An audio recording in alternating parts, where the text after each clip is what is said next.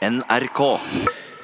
Det er Språkrådet som har foretatt denne undersøkelsen, som viser at mange av oss er negative til navnene Vy, Equinor og Oslo Met. Og det folk er mest negative til, er Vy-gruppen, det tidligere NSB.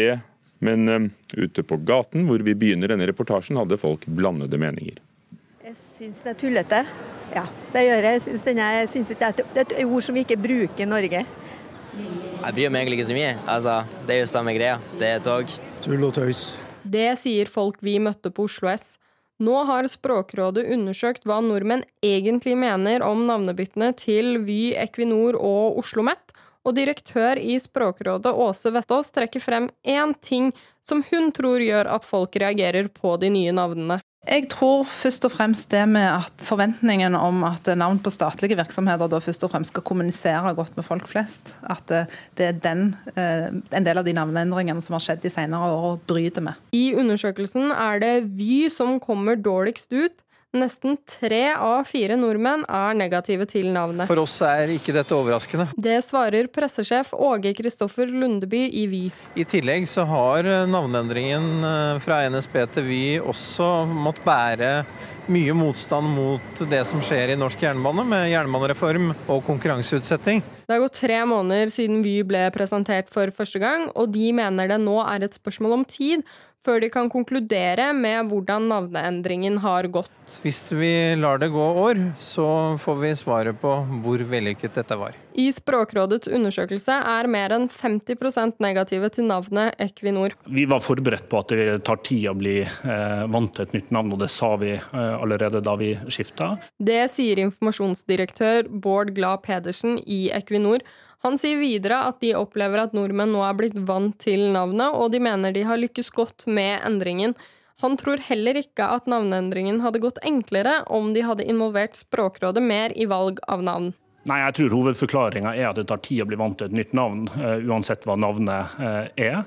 Vi er et børsnotert selskap til stede i mange land i alle verdensdeler. og det å finne et navn som sier noe om hvem vi er, hvor vi kommer fra, og som fungerer på alle språk, det var oppgaven vår, og det syns vi har løst på en måte som vi er fornøyd med. Direktør i Språkrådet Åse Vettås understreker at de ikke ønsker noen omkamp om disse konkrete navnene. De ønsket å finne ut om folk flest hadde tillit til arbeidet de gjør. Det vi har sett, det er at eh, våre råd i veldig liten grad blir tatt til følge. og Da ønsket vi å se hva syns folk om de rådene vi gir. Og folk flest sier da at eh, de har tillit til rådene våre og ønsker at Språkrådet i større grad skal bli lytta til. og Det er jo selvfølgelig et resultat som er veldig gledelig for oss. Gledelig for Åse Vetås, eh, som nettopp er direktør i Språkrådet. Reporter var Maiken Svendsen. Og Øystein Tronsli Drabløs og Brage Lior var også med å lage denne reportasjen. Det er en eh, sjelden liten brikke som skal selges på Sotheby's seksjonshus i London i dag. Det er en sjakkbrikke. Den skal koste mellom 6,5 og 11 millioner kroner, det er verdivurderingen. og Den er lagd i Trondheim på 1100-tallet og ble funnet på, i Louis på Hebridene. og Forfatter Lars Mytting. Du har bl.a. skrevet boken 'Svøm med dem som drukner', blant mange bøker du har skrevet, hvor handlingen foregår nettopp på Hebridene og Shetland. Lars Mytting, god morgen. God dag, god dag. Denne lille sjakkbrikken, et tårn i, i, moderne sjakk, en warder, hva forteller den om eh, forholdet mellom Norge og Skottland i middelalderen?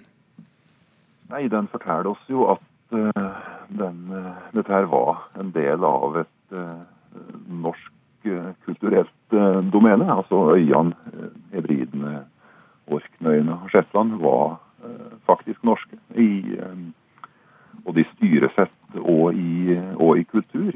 Så sjøl om en med våre øyne da, kan se fremmed ut når vi tenker på eh, annet kulturelt uttrykk i, i Skottland og Storbritannia, så er det faktisk slik stilen var på, på den tida. Hmm. For, for, for, det var en bit av Norge. Eh, Lars Myttingham ved deg snakke høyt og tydelig rett inn i mikrofonen, for det, det er et stykke, et stykke, til der du er og der hvor eh, vi sitter. Ja. Men eh, disse sjakkspillene, altså noen av dem kan ses på Nasjonalmuseet Skottland, andre på British Museum. Louis-brikkene heter de, så var det noen som manglet. og En av dem som manglet, var altså denne lille Warder-brikken som selges eh, i dag. Den har ligget i skuffen hos en skotsk familie. De ble funnet i 1831, eh, nedgravd. Hva vet du om dem? Altså, Høyst sannsynlig så ble de eh, lagd i, lagd i Trondheim. da, og De er gjort av hvaltenner og av, av hvalross, og, og antagelig en del av et eh, sett på 78 brikker som eh, antagelig var ment for å selges videre. Eh, og de har jo da li Den ene som ble gjenfunnet, har jo da rett og slett ligget i skuffen og ble lurt unna det opprinnelige salget. Der hovedparten av brikkene gikk til, gikk til samlere, og så endte hos Sotheby's. Men det ble lurt unna tre brikker, og dette er en av dem. da. De ga visstnok fem pund på 60-tallet. Det var sikkert lurt å, å, å, la det vente litt. Eh, eh, hva forteller, for deg som er opptatt av historie og, og skriver om, om, svunne tider og mennesker som har vært, hva forteller gjenstander om tidene? Vi ser jo veldig tydelig dette i, en, i et sett med sjakkbrikker. da, fordi at du har et spekter av figurer eh, som helt tydelig viser oss hva som var liksom, miniskulpturer, og hva man likte eh, av visuelt uttrykk fra den gangen. Så det forteller oss jo veldig mye, dette her. Hmm. Det er jo noen enorme summer for, for, denne, for denne, brikken. Men er denne, er denne arven noe av årsaken til at de er blitt så myteomspunne, disse brikkene? Denne arven om eh, etter hybridene da, som har eh, vært der mellom Norge og Skottland, og, og litt våre og litt deres? Ja, altså Jeg tror ikke det har så mye å si for pengeverdien nå. Og, men rent kulturelt så er det jo svært sterke bånd mellom folket som fortsatt bor på, på de skotske øyene, og båndet til den gamle norske tradisjonen. da, fordi Øyene ble jo bosatt og kolonisert av, av, nordmenn. Og fortsatt så er det jo svært sterke avtrykk f.eks. i språk og stedsnavn. Så du følte deg litt hjemme du, da du var der? Ja, altså det er vel ikke noe sted utenom Norge der oss som kjenner sterkere avtrykk da, av forhistoria enn nettopp der. Mange stedsnavn er jo som sagt norske. Louis, der brikken ble funnet, betyr jo antagelig forsamlingshus, altså jodhus, loud house. Sted der folk har det moro. Og det slike man kryr da ute på, ute på. Loudhouse, ja. Samles og ha det moro. Takk skal du ha. Lars Mytting, forfatter av da bl.a. 'Svøm med dem som drukner', og, og, en brikke av denne historien da er til salgs i form av en bit av et sjakkspill i hvalross eller hvaltann på Sotheby's i London i dag. For første gang noensinne er halvparten av dem som er invitert til å være med i Oscar-akademiet, altså det amerikanske filmakademiet, som deler ut Oscar-statuettene, kanskje verdens mest kjente filmpriser, kvinner. Og kulturreporter Brage Lior, eh, man skulle tro det var naturlig, men likevel så er det spesielt. Hvorfor? Eh, hovedårsaken til at det er så spesielt, er jo nettopp det at Oscar-akademiet i, i, alle år har fått kritikk for å uh, være mannsdominert og uh, lede av uh, hva skal vi si, hvite menn. og det er da nå, som du, som du, sier, første gang at det faktisk er 50 av de, de nye medlemmene er, er kvinner. Har kritikken da stilnet, ser det ut til det? Nei, det kan man vel knapt si. Eh, det er snakk om halvparten av de eh, nye medlemmene, av de 842 eh, som ble tatt opp nå. Men selve Oscar-akademiet består av mellom 6000 og 9000 mennesker. Så det er fortsatt en, en, stund igjen til man har si, kjønnsbalanse i organisasjonen. Den andelen ligger nå på, på drøyt 32 ifølge, ifølge akademiet selv. Og hvem er de, disse her Academy of Motion Picture Arts and Sciences?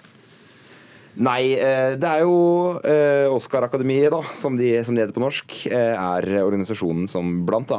deler ut selve Oscar-statuetten, som du så vidt nevnte i stad. Og blant de 800 nye medlemmene nå finner man 21 Oscar-vinnere og hele 82 tidligere nominerte. Takk skal du ha, Brage Li Jord. En populær sommerutflukt for mange i Sør-Norge er turen til blåfarververket i Modum, som eh, fra slutten av 1700-tallet drev med nettopp utvinning av kobolt i i gruvene som fortsatt ligger der og kan sees. Eh, opphavet til dekor på porselen, glass og i en periode forsynte blåfarverket 80% av verdensmarkedet, så det var en, en, stor økonomisk eh, bedrift. Og i dag altså et sted for sommerutflukter, bl.a. koboltgruvene kan sees, det er fossefall, det er gjettegryter, og så er det kunst. Mona Palle Bjerke, kunstkritiker her i NRK.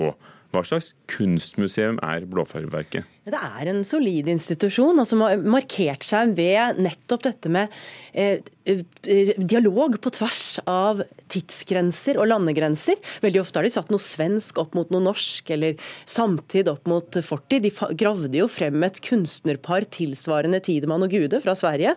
Kilian Soll og Markus Larsson for en del år tilbake. De har hatt mestermøte med Anders Sorn og Odd Nerdrum.